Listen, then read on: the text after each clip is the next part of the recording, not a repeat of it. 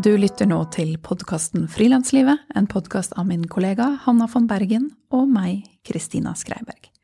Vårt mål er å være en faglig og inspirerende kanal for alle som jobber for seg selv i medie-, kunst- og kulturbransjen.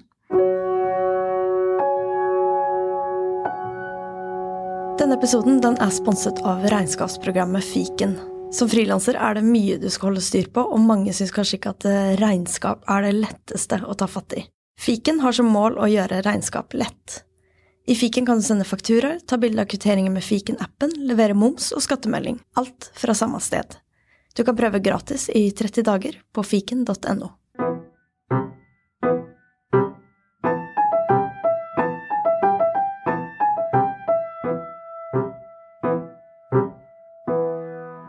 Hallo, hallo. Hei! I dag har jeg med meg Hanna. Ja, eller jeg har med meg deg, nei da. Denne episoden heter eh, Frilansrådet. Og skal altså være en episode hvor jeg og Kristina trodler og reflekterer litt rundt spørsmål vi har mottatt fra dere.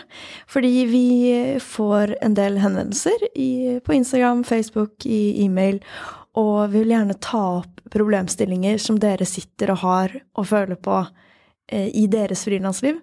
Og derfor har vi også spurt dere om dere vil sende inn ting dere tenker på, som dere vil at vi skal ta opp. Og inspirert av Lørdagsrådet så gjør vi derfor en liten Frilansrådet-spesial. Og det kommer vi til å gjøre en gang imellom. Eh, Så send inn, ikke nøl. Eh, Det kan være en kollega som eh, lukter vondt, eller det kan være en oppdragsgiver som er veldig vanskelig. Ja, Hva som så- Smått og stort. Stort og smått. Da leser jeg opp første henvendelse, som vi har fått på Instagram, faktisk. Det er fra Tonje, som bor i Oslo. Jeg leser. Jeg har fått et oppdrag hvor jeg har blitt lovet et lite honorar. Det viser seg at andre som skal gjøre akkurat samme jobb og, like, og bruke like mye tid som meg, ikke får betalt en eneste krone. Hva gjør man i en slik situasjon? Altså, det er så dårlig stil. For det første, jeg tenker sånn Hvem er eh, de her folka? Og jeg blir veldig nysgjerrig på hvilken hvilke type oppdrag det er. For det går jo an å tenke seg at eh, her vil jeg liksom sett på ok, men hvem er de andre? Har de på en måte, Er de også utdanna si liksom fotografer eller journalister og har på en måte samme bakgrunn og kompetanse, eller er det en, en forskjell i kompetanse og erfaringsnivå, da? Fordi da er det jo ganske vanlig at uh, man har en, et prosjekt hvor noen er frivillige, noen er betalt, altså noen er leid inn, noen er ansatt. Altså det er jo ofte en miks. Men her så virker det kanskje som, uten at vi vet, at de, kanskje, at de står ganske likt, siden de skal gjøre akkurat samme jobb og bruke like mye tid. Vil jeg tro. Fordi det er jo forskjeller på oss i samfunnet, og det må man kanskje bare akseptere. Men her, er forskjellen på å gjøre samme jobb til honorar og ikke-honorar, det Ja, jeg tror jeg hadde blitt litt sånn flau som oppdragsgiver hvis jeg hadde blitt uh, tatt på senga. Ja, altså er det så vanskelig situasjon, da, fordi at hvis jeg hadde fått samme, samme situasjon, eh, så hadde jeg tenkt sånn Ok, jeg kan være veldig eh, Hva skal man si Lage et statement og på en måte da si nei, da vil jeg ikke ha lønn. Eh, men jeg vil jo mye heller ha lønn, og alle frilansere vet jo at det, den sitter langt inne og liksom takker nei til at noe er betalt, for også å gjøre det gratis, når det egentlig kunne vært betalt. Eh, Så man vil jo helst bare at de andre også skal få betalt. Altså, hun fikk faktisk et svar via Instagrammen vår eh, av en annen frilanser som svarte takk nei av prinsipp, eller forlang at lønnen blir fordelt så alle får noe hver. Mm. Det er jo veldig, veldig solidarisk, da. Det det. Hva hva hadde du gjort? Ja, hva hadde jeg gjort? jeg vet ikke. Tatt penga, da? Tatt penga og løpt. Jeg vet hva, jeg tror faktisk jeg hadde vært så kynisk at jeg hadde, jeg hadde nok tatt betalt. Og så hadde jeg sagt ifra til oppdragsgiver at jeg syns det setter både meg og de andre i en ganske dårlig situasjon, hvor man legger over ansvaret på meg som frilanser, snarere enn at oppdragsgiver, som faktisk er den som har ansvaret, bør føle på det. Jeg som får et Jeg får jo et honorar og det burde jeg ha for å gjøre en jobb. Og da syns jeg det er litt sånn kjipt å bli satt i en situasjon hvor jeg skal ha dårlig samvittighet for, for det. Enig. Bare fordi at oppdragsgiver ikke gir det i andre land. Og jeg tenker at det, det er kanskje forskjell i eh, forhandlingsevner her, da. For jeg hadde nok ikke ønsket å gjøre det, eller kanskje ikke ønsket å gjøre det oppdraget uten honorar, men så har kanskje denne oppdragsgiveren sett at disse andre har eh, vært villige til å gjøre det uten honorar. Og hvis ikke de ber om det, så tilbyr de kanskje heller ikke. Og det sier jo litt om at det er, hvis du er, setter deg selv litt i respekt og eh, krever noe, så har du sannsynligvis muligheten til å få noe. Mm. Jeg tror jeg hadde sagt fra til uh, både oppdragsgiver og de andre at uh, jeg hadde sagt sånn Jeg får honorar for den her. Jeg vet ikke om hun har hørt det fra de andre, da, eller hvordan hun har fått vite om det. Men da faktisk kan de også pushe oppdragsgiveren. Så det ikke bare blir en dialog mellom hun og oppdragsgiveren. Ja, Det er litt interessant hvordan hun har fått vite om det. Men folk snakker jo sammen, så det er eh, oppdragsgivere de, de, de, Ja, det burde de forstå. At de som jobber for dem, de snakker sammen. Jeg har kanskje en eh, lignende erfaring, og det Jeg ble spurt om å skrive, eller være medforfatter, eller i hvert fall være med på å skrive en bok. Og det Jeg visste ikke da at en kollega av meg, eh, hadde, altså en frilanskollega, hadde blitt spurt om det samme eh, tidligere, og at det var via denne kollegaen dette oppdraget kom, fordi vedkommende takket nei. Og personen ble tilbudt eh, et visst honorar for det oppdraget. Og jeg visste ikke at før en halvtime før jeg skal gå i det møtet om dette oppdraget, at jeg blir tilbudt 25% mindre. Var han en mann? Ja, han var en mann. Nei! Nå vil, jeg, nå vil, jeg, prøve å pakke dette inn så man ikke Ingen som hører på dette her, kan skjønne hva dette handler om. Men ja, han var en mann. Og jeg merket at jeg Idet jeg skulle gå til det møtet, så møter jeg da denne mannen som hadde blitt tilbudt 25% mer. Og han sa så kult at du skal i det møtet. Eh, honoraret var jo sånn og sånn. Og så sier jeg var det var det? det? Eh, for jeg er jo bare blitt tilbudt dette.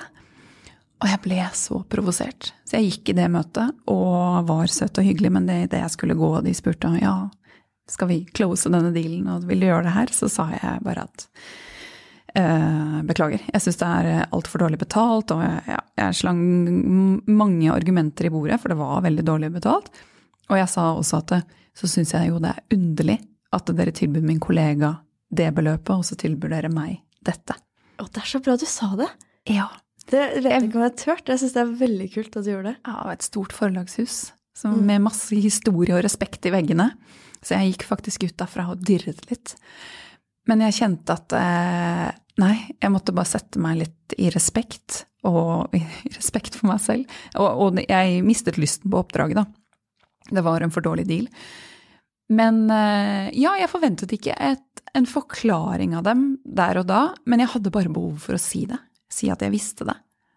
Ja, det og jeg vet ikke grunnen, ja, om det er um, Jeg vil nødig falle ned i den derre mann-kvinne Ja, det kan jo være mye Greia, ting ja. det har noe å si, men det er jo igjen litt sånn det er jo forskjell på kompetanse og erfaring. Ja, Men vi er veldig lik, og vi skulle jo gjøre samme jobb. Ikke altså, sant? Og da blir fordi vi jo kan gjøre jobben at vi blir spurt. Ja. Ja. Og, men det jeg kanskje tenker, er at eh, de fikk nei av han.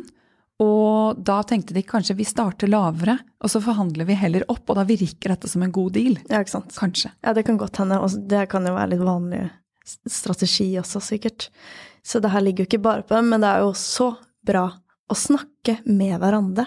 Det er, Det er så bra! altså det er min uh, tips nummer én, er sånn spør hva andre tar betalt. Fordi uten å snakke om penger, så blir det helt umulig å vite hvordan man skal forhandle. Fordi da har man null referansepunkt i forhold til hva ting burde koste, hva andre tar, og hvor mye de også har satt av da, til prosjektet. Så orientere det hjelper alle å Mm. snakke om det. Jeg har også en uh, situasjon som ligner litt. Fordi um, det var eh, et marked som ble arrangert, hvor folk skulle selge kunst og eh, på en måte håndverk. Og så ble jeg spurt om jeg kunne spille en konsert på det markedet. Og jeg var litt sånn Ja, ok, kult prosjekt. Det her eh, virker jo kjempegøy. Og så er det sånn typisk at de ikke nevner noe honorar i første mailen. Så jeg var sånn Og hvordan er det med honorar? Og så nei, det, det er ikke noe honorar. Og så var jeg sånn Men ok, altså Da kjenner jeg at jeg blir veldig irritert, fordi hele poenget med at folk står der Selv om de står gratis, så skal jo de selge ting. Folk skal stå der for å selge ting og tjene penger. Og da, hvis man spiller en konsert, så er det jo ingen som betaler for den konserten. Jeg får ikke inn noe inntekt via den aktiviteten. Så da står man liksom sted og skal spille en gratis konsert, mens andre står der for å selge produkter, og da følte jeg liksom at da blir det ikke rettferdig deal, da. Da syns jeg heller at hvis de skal tjene penger, så burde man gi eh, meg mulighet til å tjene penger. Og ja, jeg syns at den burde vært honorert, da, i forhold til hvordan prosjektrammene var, og hvem andre som skulle være med. Så da takka jeg altså nei og sa det. Veldig bra. Mm. Mm. Yes, så her er det mange mulige, muligheter og mange, mange provoserende situasjoner. Jeg, hvis dere har hatt noe lignende, send gjerne inn. Det har vært interessant å høre hvordan, hvordan dere måte gikk frem da, i den situasjonen. Og jeg tenkte at vi kan høre Vi fikk jo ikke hjulpet Tonje der og da, eh, dessverre. Eh, dette kom jo litt i etterkant, men, så derfor spurte jeg Tonje hvordan hun løste sin situasjon. Ok, jeg leser Tonjes svar. Hei, jeg fikk litt ulike tilbakemeldinger, hvor de fleste sa at det er viktig å ikke ta ulønnede oppdrag, og at jeg skulle ta betalt. Så fikk de andre passe på å ta betalt selv. Jeg snakket med et par av de jeg visste ikke fikk betalt, og var ærlig på at jeg fikk betalt, og sa at de burde ta det opp med oppdragsgiverne. Jeg vet ikke hvordan dette gikk, skriver hun. Så snakket jeg også med oppdragsgiverne og sa ifra at jeg ikke syns det er riktig at de forskjellsbehandler, og at det også satte meg i en vanskelig posisjon. De svarte bare med at vi hadde forskjellige kontrakter, og sånn var det.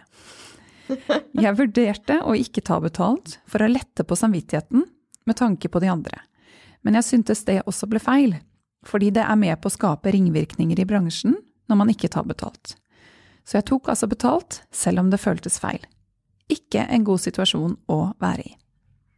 Ja. Ja, men det, det er bra, Tonje. Det syns jeg var en veldig god eh, fremgangsmåte. Veldig! Også fordi hvis hun ikke hadde tatt betalt, så hadde jo oppdragsgiver bare lært seg at alle gjør det gratis. Eller sånn. Han bare hadde alt å vinne, han. Ja, eller hun. Eller hun. sånn Feminist, ja visst. Yes. Ja, men uh, Og hun, hun ivaretok seg selv. Hun var ærlig med de andre, og hun hadde guts nok til å snakke med oppdragsgiveren om det. Mm. Herregud, altså High five, Fantastisk. Jeg ja. tenker også at uh, det her er en god liksom, wake-up call for de andre. Og faktisk kanskje Man kan jo faktisk gå inn i et prosjekt og stille spørsmålet hvordan, hvordan er det med de andre? Hvis man vet at flere gjør lignende jobb, så kan man si sånn Hvordan ligger lønnsnivået på, eller hva er de andre honorerte? Jeg vet ikke, man får, lov, man får lov til å spørre. spørre. Og hvis de sier nei, det er ulike kontrakter, da kan man være litt sånn ok, hm, der er litt forhandlings, forhandlingsmakt, da. Ja.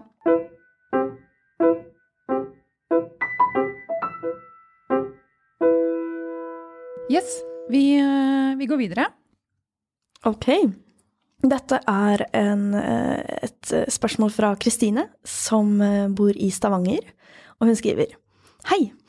Jeg har ikke vært frilanser så veldig lenge, men har allerede støtt på litt problemer når det gjelder balanse i hverdagen. Jeg prøver veldig hardt å si ja til så mye som mulig, og finner mye glede i jobbene jeg gjør.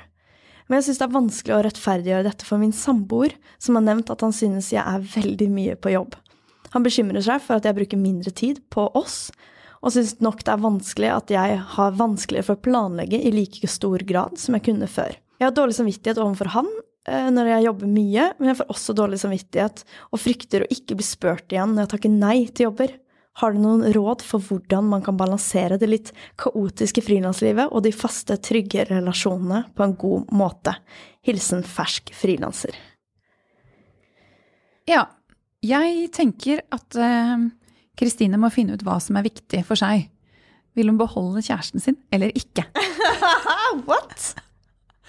Ja, jeg er litt beinhard, altså. Nei, ok. Hanna, hva syns du? Nei, nei, det her må du fortsette på nå. Det her blir jeg nysgjerrig på. Ja, hun skriver at hun er fersk frilanser, og da, da må man gi alt. Så jeg trekker deg tilbake. Nei da, ikke helt. Man må være innstilt på å gi alt, men samtidig så kan det jo være utrolig frustrerende for samboeren hvis man føler seg underprioritert, og hvis alt på en måte sklir ut. Så jeg skjønner jo samboeren også veldig godt. Så jeg tenker at eh, ja, man også må være bevisst på hva som er viktig her, da. Og kanskje det er eh, frilanskarrieren akkurat nå som er veldig viktig. Kanskje man kan si til samboeren at akkurat nå er dette viktig, jeg trenger noen måneder til å bare få komme meg litt opp. Eh, nå roer jeg litt. Ja, kan jeg, Skal jeg ta over ordet? roret? ja, eller jeg, jeg, tenker kanskje det blir lettere for han å forholde seg til det hvis Eller hun. Eh, forholde seg til det hvis man vet litt sånn tidsperspektivet på det. Men hvis man tenker at oi, det, hvor lenge skal det være sånn? Skal det alltid være sånn? Er det sånn vi har det sammen? Så er det vanskeligere. Men jeg er veldig for å ivareta samboeren, altså. Jeg endret mye i min praksis som frilanser da jeg møtte min nåværende mann. Hvordan endra du det? Nei, da så jeg at eh, jeg hadde lyst til å ta ferie om sommeren når han har ferie. Eh, at i helgene så har han fri. Da har jeg lyst til å være sammen med han og ikke Jeg har drevet med mye snikjobbing opp igjennom. Altså, liksom, hvordan da? at jeg var sånn Å, jeg, jeg, må bare, jeg, må bare, jobbe litt, og så setter jeg meg litt sånn inn på badet, f.eks. En liten halvtime bare for å bli ferdig med den lille e-posten, eller ja, eller i tidligere forhold, som jeg ikke prioriterte like hardt som ja. min mann. Hvor jeg bare lot de vente en del. Mm. Eller på ferie sånn Ja, nå tar han en middagslur. Eh, han slapper av, han leser en bok. Han merker ikke om jeg bare setter meg her nå og gjør ferdig alt det jeg skal. Det er snikjobbing, rett og slett. Og det her er så fint spørsmål, syns jeg, fordi jeg kan kjenne meg igjen så utrolig mye. Å gå fra Jeg har vært singel i seks år, og virkelig hatt Jeg har bare hatt meg sjæl, å forholde meg til. Du er jo midt i og, dette her selv? Ja, jeg er midt i det her, for nå har jeg en kjæreste, og vi har vært sammen i et halvt år. Og i tillegg så er det et avstandsforhold, så når vi ses, så drar jeg til Sverige, eller han kommer hit. Og da ses vi jo på en måte veldig sånn fra han kommer til han drar. Eh, og ikke sånn at ja, vi ses i kveld, eller Så da er det jo Så jeg har jo blitt vant til nå å ha helt fri i helgene fordi vi ses. Mens før så var jeg veldig vant til å jobbe på kveldene, i helgene. Jeg kunne liksom sitte en halv lørdag og, bare, og også kose meg ganske mye med det. Og likte litt den der øh, at jeg elsker å jobbe når ikke andre jobber. Og i ferier Jeg husker en påskeferie hvor jeg satt og bare researcha kunstnere og illustratører til markedet jeg jobber med, og bare elska det. Jeg satt liksom åtte timer om dagen og bare digga å jobbe. Og jeg syns det har vært skikkelig vanskelig å vri om til sånn, sånn hard balanse mellom hverdag og helg.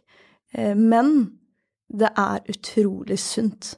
For meg har det vært skikkelig bra å bli liksom pusha til å ta helg fri, for det er noe med når du hele tida er i jobbmodus, og så jobber du litt, og så tar du litt fri, og så jobber du litt, tar litt fri. Da, da er du litt sånn i jobbmodus hele tida. Og det å faktisk bare sånn klokke ut fredag ettermiddag, og så liksom ikke tenke på jobb før mandag morgen, har vært skikkelig, skikkelig bra for min mentale helse. da. Å kjenne at man liksom henter igjen energi og ikke blir så tynnslitt og fraværende.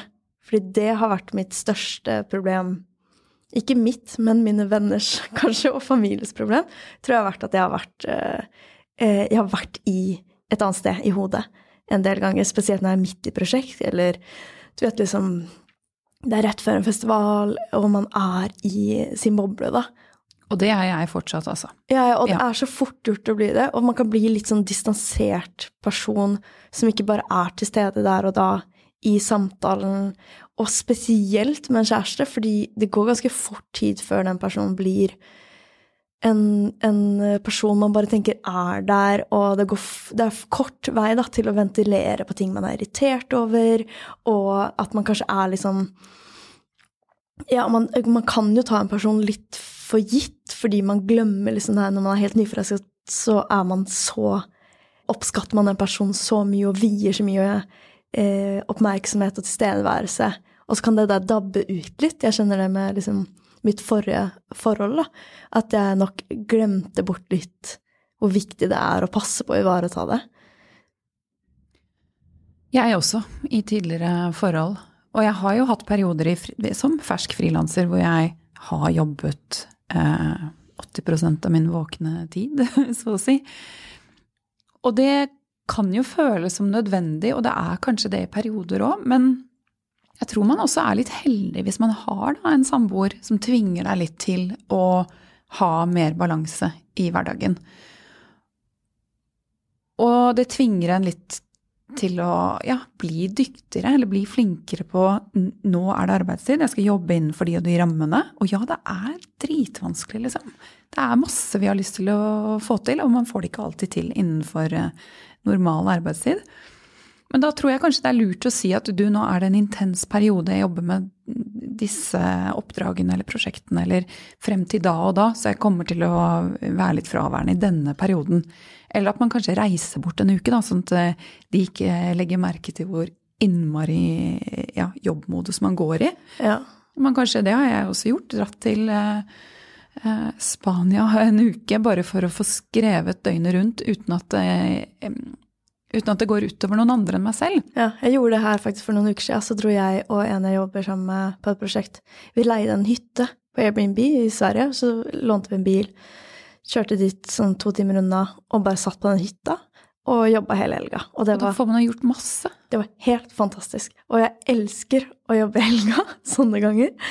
Og jeg kunne gjerne jobba på en måte flere helger, eh, men det er en sånn litt sånn gi og ta, og jeg tenker også det er viktig prat med kjæresten for å skjønne behovene, for det, det er å føle at du ikke blir prioritert som den personen som er nærmest deg, mm, er en ganske vond følelse. Og jeg husker når jeg data folk og, og hatt den følelsen at ok, du vil heller du vil heller stikke ut og Eller skate. jobbe, liksom. Ja, eller jobbe. Og for mange er det sånn du vil heller jobbe enn å da henge med meg. Uh, ok, hvorfor det? Altså, og den der å ha en ordentlig prat om hva det faktisk handler om, da. Og at man, ikke, at man føler seg sett som den kjæresten. Uh, og så spørs det jo litt sånn hvor stort behov er det. Jeg tenker jo at man må gi og ta. Han kan jo ikke tenke at ok, sånn her var det før, og sånn skal det være nå alltid. Og man må ha forståelse for Hvis du har en kjæreste som er musiker, da, ok, da må den personen på turné. Og da kan du ikke forvente at den personen skal være hjemme etter fire-fem hver dag, fordi det er sånn en fast ansatt eh, hverdag ser ut, da. Så jeg tenker at man må faktisk gi og ta litt i det her, så lenge man føler at man prioriterer å ses og være kjæreste. Helt klart. Og jeg, jeg har ikke en ni til fire-jobb. Altså når jeg, når jeg er hjemme i Oslo, så prøver jeg å ha det, men det er kvelder hvor jeg må jobbe, eller at jeg må dra ut en lørdag fordi jeg ikke ble ferdig med det jeg skulle. em, Eller må dra på reise i noen dager. Men det der å snakke sammen tror jeg er det aller viktigste. Én, å snakke om hvorfor eh, Altså hvor, hvor vil Kristine? Hva brenner hun for? Hvor, hvorfor jobber hun så mye? Hva betyr det for henne? Eh, Men også, jeg tror man kan ha ganske høy toleranse for unntakstilstander hvis man vet det er for en periode. Eller at man sier du er det noen kvelder denne uka hvor du skal jobbe sent, eller eh, du skal bort med venner, eller hvor det passer at jeg jobber. Istedenfor at man jobber sånn litt hele tiden, og at han aldri helt vet når. For det er det så vanskelig å forholde seg til. Og her er, skal jeg dele en historie fra mitt forhold. Og det er eh, Min kjæreste han jobber 60 eh, og jeg har ganske fleksibel arbeidshverdag. Jeg har på en måte en deltidsstilling, jeg har ulike prosjekter, så jeg kan liksom velge litt når jeg gjør hva. Om jeg jobber kveld eller helg eller mandag til fredag eller ja. Men arbeidsmengden er jo fortsatt relativt stor, om ikke større enn 100 Så jeg har jo, når jeg drar til Sverige, så tar jeg toget på fredag og toget hjem på mandag. Som er superdigg, og jeg kan jobbe. Det er nesten lettere enn det jeg drar, fordi da kan jeg jobbe på toget. Mens når han kommer hit, så kommer han gjerne da etter torsdag eh, når han har jobba. Og så har han fri fredag og mandag. Mens jeg føler jo liksom at åh, ok, nå er du her, eh, jeg vil se deg. Men Og han har, Ansvar? han har, veldig, han har aldri vært i Oslo før vi ble sammen, så han, det er ikke sånn at han har masse greier som han har gående her, eller ting å finne på. Han er helt ny til byen. Så jeg følte litt sånn Ok, skal du bare sitte og vente på meg mens jeg er på jobb? Og Men så hadde vi en utrolig fin prat, for det er jo litt sånn logistikkhelvete som vi driver og holder på med. Og det som jeg fant ut, da, som jeg ikke hadde skjønt før da, var at det viktigste for han er å bare vite Ok, men da vet jeg at du er 9 til 5 hver fredag, så vet jeg at du ikke kan ses. Da vet jeg at du jobber. Og det er mye lettere enn at jeg sier sånn Å, jeg skal på jobb, men jeg, jeg prøver å bli ferdig tidlig, og kanskje jeg kan komme eh, tolv eh, eller ett, eller men jeg vet ikke helt. Og så sprekker det. Ja, og så sender jeg melding og er sånn Shit, det var altfor mye. Det ser ut som det blir sånn fire-fem. Og da går jo han rundt og bare sånn Ok, men skal jeg stikke ut i skogen, eller skal jeg eh, trene, eller skal jeg eh, liksom gjøre noe annet? Og hvor lang tid er den her, de her timene? Forventningsavklaring. Mm. Så mm. det Så jeg har jo da Det er jo akkurat samme situasjon, men vi bare Jeg skjønte liksom hva, hva som var vanskelig, da. Og det var ikke nødvendigvis at jeg ikke var der på fredagen, men ja, at det var tydelig. Uh, at jeg ikke lover noe jeg ikke kan uh, stå for, da.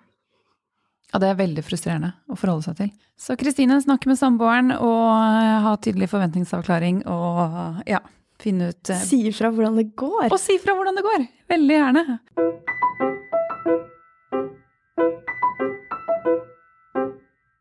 Neste. Fra Nina, som bor i Oslo. Jeg lurer på hvordan man går frem for å få lån til bolig for førstegangskjøp, uten fast jobb og kun med frilansoppdrag innen kultur. Hvordan overbevise banken om at man kan betjene lånet når man ikke har fast jobb? Spørsmålstegn. Ja, det her er jo et veldig godt spørsmål som veldig mange lurer på. Og vi begge har fått boliglån og har kjøpt leilighet. Så eh, jeg tenker at når det gjelder reglene, for det er jo mye regler som banken forholder seg til Der kan dere google. Ja, og da tenker jeg sjekk de, for det er noe med å liksom, Du må faktisk oppfylle de kravene først. Om liksom egenkapital, hvor mange ganger din inntekt du kan låne, og etc. Og det viktigste er jo å tenke liksom Hvis du var banken og skulle gitt deg selv et lån så må du vite at det lånet kan bli betjent, og du må vite at det lånet kan bli betjent med på en måte dine faste utgifter. Har du barn, har du bil, har du, altså hvordan ser livet ditt ut ellers? Og kan også betjene lovene på en god måte selv om det skulle bli opptil 5% renteøkning. Så det er, liksom, det er jo det du skal bevise, da. Og der må man gi dem ganske mye informasjon. Altså jeg kan bare si at jeg maksa vedleggsgrensa når jeg skulle laste opp i banken for å bevise eh, at jeg kan betjene det her lånet. Og man har jo en fordel hvis man er strukturert og liker liksom å ha styr da, på økonomien. Eh, for det er ikke noe god eh, Du kan ikke si sånn 'jeg tror at jeg vil tjene cirka det her'. Da må det være sånn jeg med all sannsynlighet så vil anta at det her er årsinntekten på grunn av det her og det her og det her. Så jeg Man må legge med sånn som fjorårets eh, regnskap, altså næringsoppgave. Eh, og det man også kan gjøre, som jeg gjorde, var å Fordi jeg var midt mellom fasen, og fikk, hadde jeg faktisk fått en deltidsjobb som var på 50% Så det ga liksom en stabilitet, så det gjorde det litt lettere. Siden jeg har frilansa ganske få år. Hvis man har frilansa mange år, så kan man på en måte se her nå på alle de fem årene bakover. Eh, det er ikke noe som tilsier at det ikke skal fortsette å bli liksom enda bedre. Mens når du har frilansa ganske få år, så er det litt mer sånn Ok, lønna mi dobla på ett år. Eh, det ser liksom veldig sånn Ok, men hva skjer neste år? I forhold til det, jeg kan ikke bruke fjorårets fordi det var altfor dårlig, f.eks., men jeg vet at det her året blir bedre. Så jeg hadde lagd masse intensjonsavtaler med ulike potensielle oppdragsgivere. Som jeg visste at jeg hadde jobba med en festival i fjor. Så jeg fikk en intensjonsavtale om at de gjerne vil også ha meg med neste år. Og jobba litt for en regissør, som også ga meg liksom en mail som viste at jeg kunne gjerne fortsette å jobbe for henne. Så det var litt sånn Hvis ikke det her blir noe av, så kan det bli noe av. Og så har jeg også lagd Ganske grundig, da, Anna. Ja, veldig. Men eh, det er jo veldig vanskelig å få lån. Det kan være veldig vanskelig å få lån som frilanser. Fordi at det er liksom sånn Ja, hvordan beviser du egentlig din fremtid når det er så sporadisk, og plutselig har du ikke lønn på en måned, og så plutselig har du liksom masse lønn en annen måned. Så det er noe med å sikre at de skjønner at det her er, er eh, trygt, da. Og låne, låne til deg. Men kan ikke du fortelle om eh, ditt møte med to forskjellige banker, og hvordan den banken dere endte opp med eh, ja, hvilken holdning de hadde til deg. Altså, det her var veldig interessant, for jeg var også litt sånn Men herregud, kan jeg få, kan jeg få boliglån? tenkte jeg. Og så ringte jeg en bank, og, og fikk en saksbehandler som jeg virkelig ikke likte. Og hun, var nesten litt sånn der Jaså, du skal kjøpe med en venninne, har, har, du tenkt gjennom det? Jeg var sånn øh, Ja, jeg er 30 år og på det tidspunktet singel. Jeg var sånn Anbefaler du meg å ikke kjøpe bolig? Er det det, det du sier nå? Uh, hun var sånn Ja, nei, nei, nei, det er smart, men det her med venninne altså, jeg, sånn, jeg ble så provosert over at hun at hun skulle begynne å granske liksom, mitt valg eh, på den måten. Akkurat som man sier sånn Ja, men er det et godt forhold, da, med denne fyren du skal kjøpe en leilighet med? Så jeg, jeg, kjente at det var ikke noe Vi kom ikke Det var ikke noe bra start. Og så skjønte jeg ikke hvordan hun beregna hva jeg kunne få i lån, for jeg fikk skikkelig lavt lån. Og så var jeg sånn, men det her skjønner jeg ikke. Og da hadde hun måtte beregne mye lavere fordi hun tenkte at ja, men det her var jo fjorårets inntekt, og det, du er ikke et sikkert kort, og derfor kan vi ikke låne deg så mye penger, og hadde noen sånn kjempevanskelige formler. Så jeg prøvde å få henne til å forklare, og jeg skjønte absolutt ingenting av hvordan hun kom fram til det tallet, mens jeg kom fram til noe helt annet ut fra de, det regelverket som fins. Uh, og du kan til og med gå inn på nettside, bankens nettside og være sånn Hvor mye kan du få i lån? Så kan du skrive inn. Men det jeg anbefaler da, er faktisk å ringe til flere banker. Sette og møte med mange og se hvordan de ulike reagerer. Og da fikk jeg en kjempefin saksbehandler som virkelig forsto mer sånn Så mer på hvordan jeg jobber, da. Og eh, hvor liksom strukturert det er, inntektene, eh, bevismateriale for fremtidige inntekter, og liksom hvordan jeg forholder meg til jobb. For det er jo faktisk litt personavhengig òg. Det er jo det. Eh, ja, selv om det er sånn du skal ha så og så mye egenandel osv. Mm. Og Men, da sa han til og med, det som var veldig interessant, var at han sa eh, fordi venninna mi hadde ett års engasjement med ganske god lønn, fast ansatt. Og da sa han hm, ja, fordi hun har jo ett års engasjement, det er litt skummelt, for da vet vi ikke hvordan det går etter, det, en, etter året er ferdig, om hun får på en måte fortsatt jobb, eller må finne noe annet å gjøre. Mens du, du har jo mange bein å stå på. Så du er liksom mye mer sikker. Og jeg var sånn, ja, jeg var sånn Hæ? Jeg har aldri hørt før.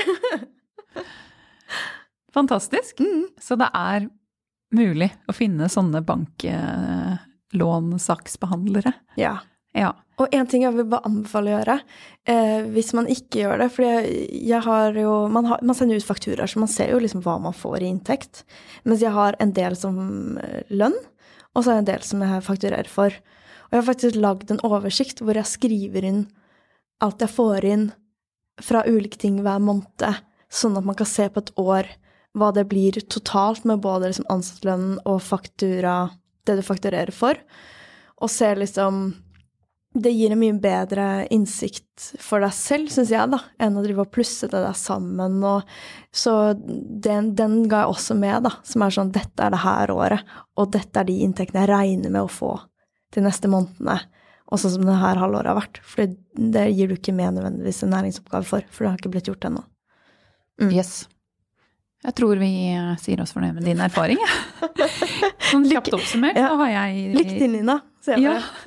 Jeg har gjort det med min mann, og han hadde fast jobb. Og jeg eh, ja, kom med en bunke med fakturaer eh, og samlet sammen alt jeg hadde gjort de siste jeg vet ikke, seks månedene.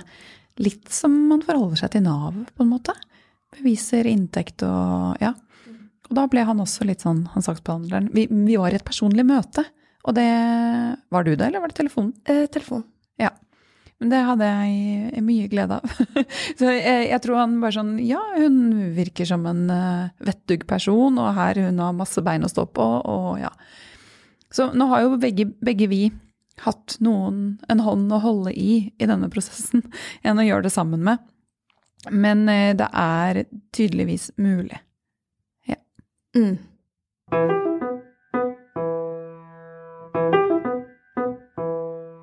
Ok, skal vi ta neste og siste, Hanna? Yes. Jeg leser. Denne kom fra Bjørnar, som bor i Oslo, og ble sendt via Facebook ganske nylig. Jeg vil takke dere for materialet dere publiserer, for å hjelpe oss med gode råd og erfaringer fra det virkelige liv. Uh, takk, Bjørne. Ja, jeg tar med litt sånn skryt, jeg. Jeg har fotografert et samfunn som har en stor årlig samling og flere små samlinger gjennom året, og jeg har gjort det helt gratis. Jeg har også fotogra fotografert gratis for bedrifter som har tilknytning til dette samfunnet, ved unntak av en gang hvor jeg faktisk fikk betalt. Betalt. betalt. ja, ja, ja. Lovnaden som lå til grunn fra samfunnet, var at jeg kunne bidra, og at jeg skulle få betalt av de når anledningen bød seg.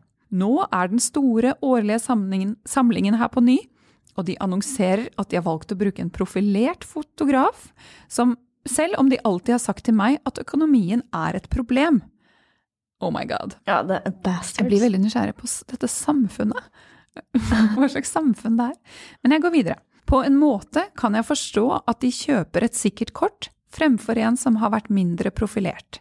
Men jeg klarer samtidig ikke å la være å føle meg forrædet, på en måte.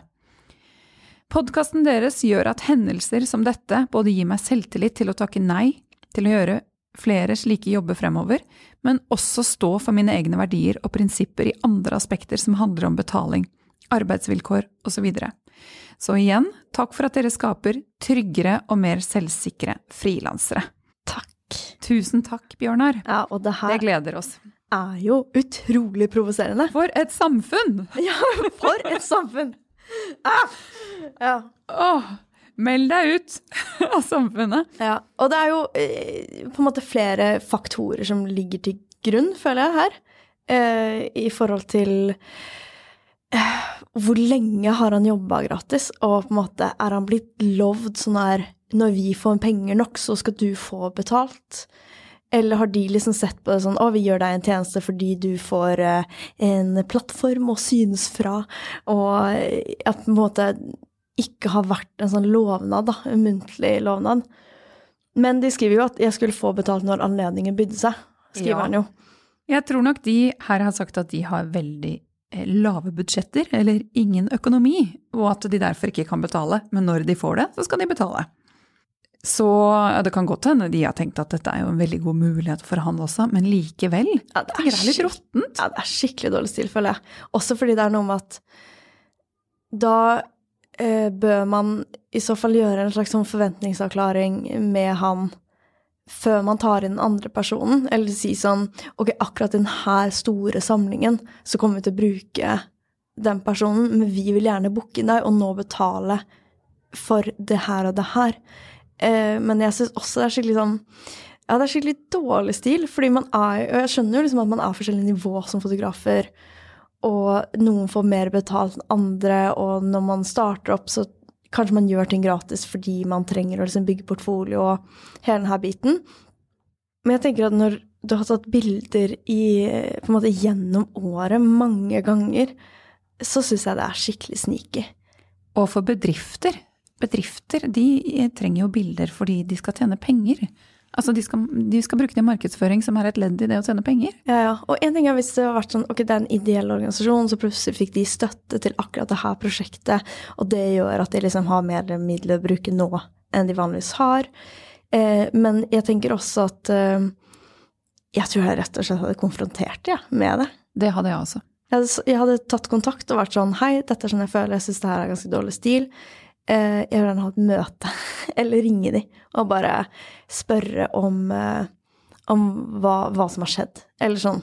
Og faktisk bare Og mest fordi jeg, jeg tror ikke kanskje det forandrer situasjonen, og det kan jo til og med være sånn at de syns det er ubehagelig, så vil, vil de ikke booke deg igjen. Men spørsmålet er nå om du vil faktisk jobbe for de eller om det her er en god anledning til å gi et litt sånn spark, da.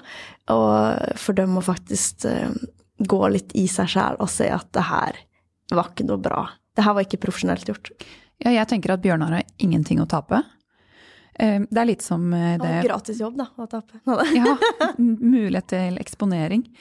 Det er litt som den, eh, det forlaget jeg var i møte hos, at jeg eh, har ingenting å tape, men jeg har heller ingenting å vinne ved å si til dem at jeg syns det er underlig at dere tilbød han sånn og sånn og meg kun dette. Men det jo, gir jo meg en følelse av selvrespekt. Og selv om jeg dirret litt da jeg gikk ut derfra, det er jo en ubehagelig ting å gjøre, så var det også litt sånn litt empowering å gjøre det. Og at man får noen sånne runder med seg selv om vil jeg gå så langt igjen, eller vil, vil altså, Eller jeg gjorde det jo ikke, men hva vil jeg ta, og hva vil jeg ikke ta? Og jeg tenker alle som fotograferer og blir spurt om å gjøre det gratis, altså noen hakker nåla i veggen, og det er greit, eh, men du står der og har et valg, og tenk litt gjennom skal du skape verdi? Altså er bildene dine med på å skape verdi fordi du fotograferer, og i så fall en ja, større eller mindre grad av økonomisk verdi? Altså vil det være med på at de skal tjene penger? Så kjennes det litt feil om de skal tjene penger på noe du gjør, men du får ikke noe for det. Så um, ja. Mm. Ja, og så er det jo veldig fint å tilnærme seg de på en veldig profesjonell måte, siden de opptrer ganske uprofesjonelt. Og det syns jeg så man ikke blir den der som skriker og slår i døra, eller blir sånn sutrete, men at man faktisk er sånn Hei, dette er det jeg har observert. Eh, jeg hadde Jeg trodde vi hadde en forventningsavklaring om det her. Dere har uttrykt at dere har vært fornøyd med bildene jeg har tatt. For meg har det her vært en god anledning tidligere fordi pga. erfaring eller eksponering eller hva som helst. Og jeg reagerer på at dere har leid inn en fotograf eh, som får betalt. Men jeg er litt nysgjerrig på hvorfor Bjørnar har sagt ja. Om det er fordi det faktisk er en god mulighet for synlighet og god erfaring osv., eller fordi det er fordi han tenkte at på et eller annet tidspunkt så kommer jeg til å få betalt. Så dette er en god investering. Og hvis det først og fremst er det siste, så er det jo innmari, innmari surt. Ja, det er det skikkelig. Og det er veldig sånn lite Det er det som er vanskelig med frilansbransjen. Det er jo veldig lite lojal. Fordi at man veldig lett kan bli bytta ut. Og det tror jeg mange kjenner at det er vanskelig. At du hele tida Jeg har jo til og med hatt eh, en jobb i en festival hvor jeg gjorde eh, en festival på våren og en festival på høsten, og da hadde jeg to ulike ledere. Og jeg følte at jeg gjorde akkurat samme jobb, men jeg følte at jeg måtte bevise på nytt på høsten at jeg kunne gjøre det jeg hadde bevist at jeg kunne gjøre, da, fordi at det var for en ny person. Så det der opplever man jo på en måte hele tida. Og ja, bli på en måte sammenligna og må jobbe liksom for, å, for det her innsalget, da.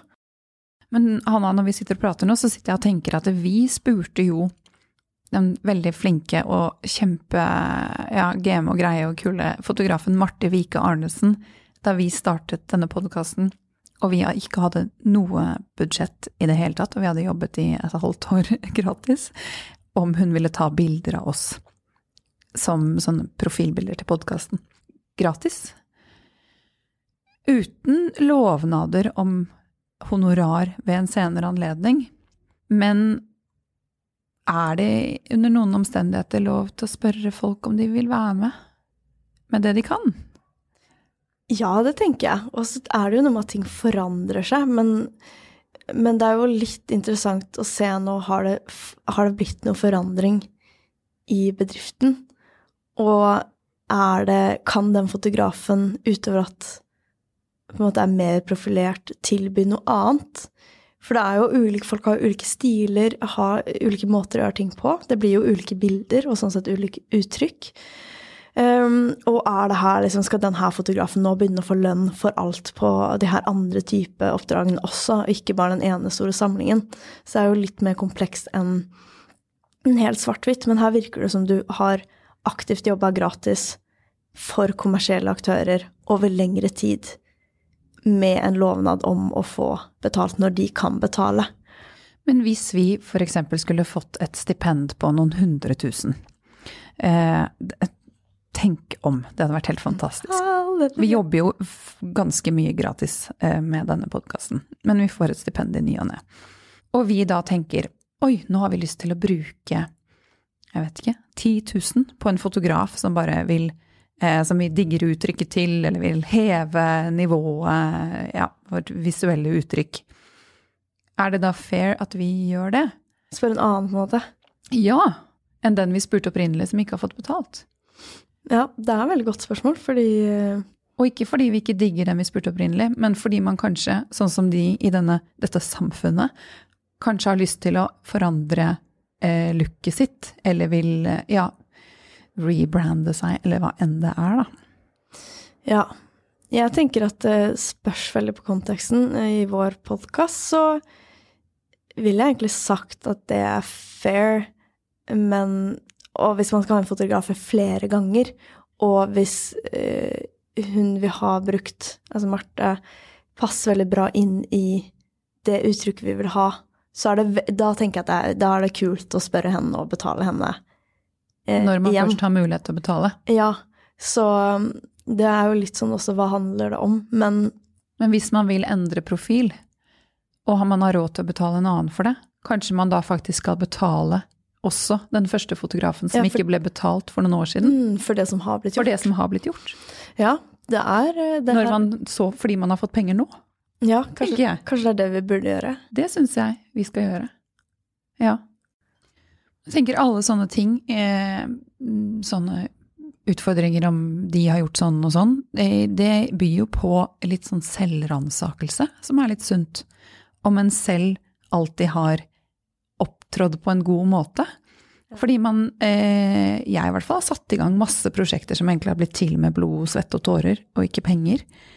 Og hva man da har spurt andre om, og har man på en måte vært Har man hatt en god forventningsavklaring? Har man vært redelig? Har man delt potten når det, det på et eller annet tidspunkt ble en pengepott? Sånne ting, da. Det er veldig godt. Er man en kul Spørsmål. person?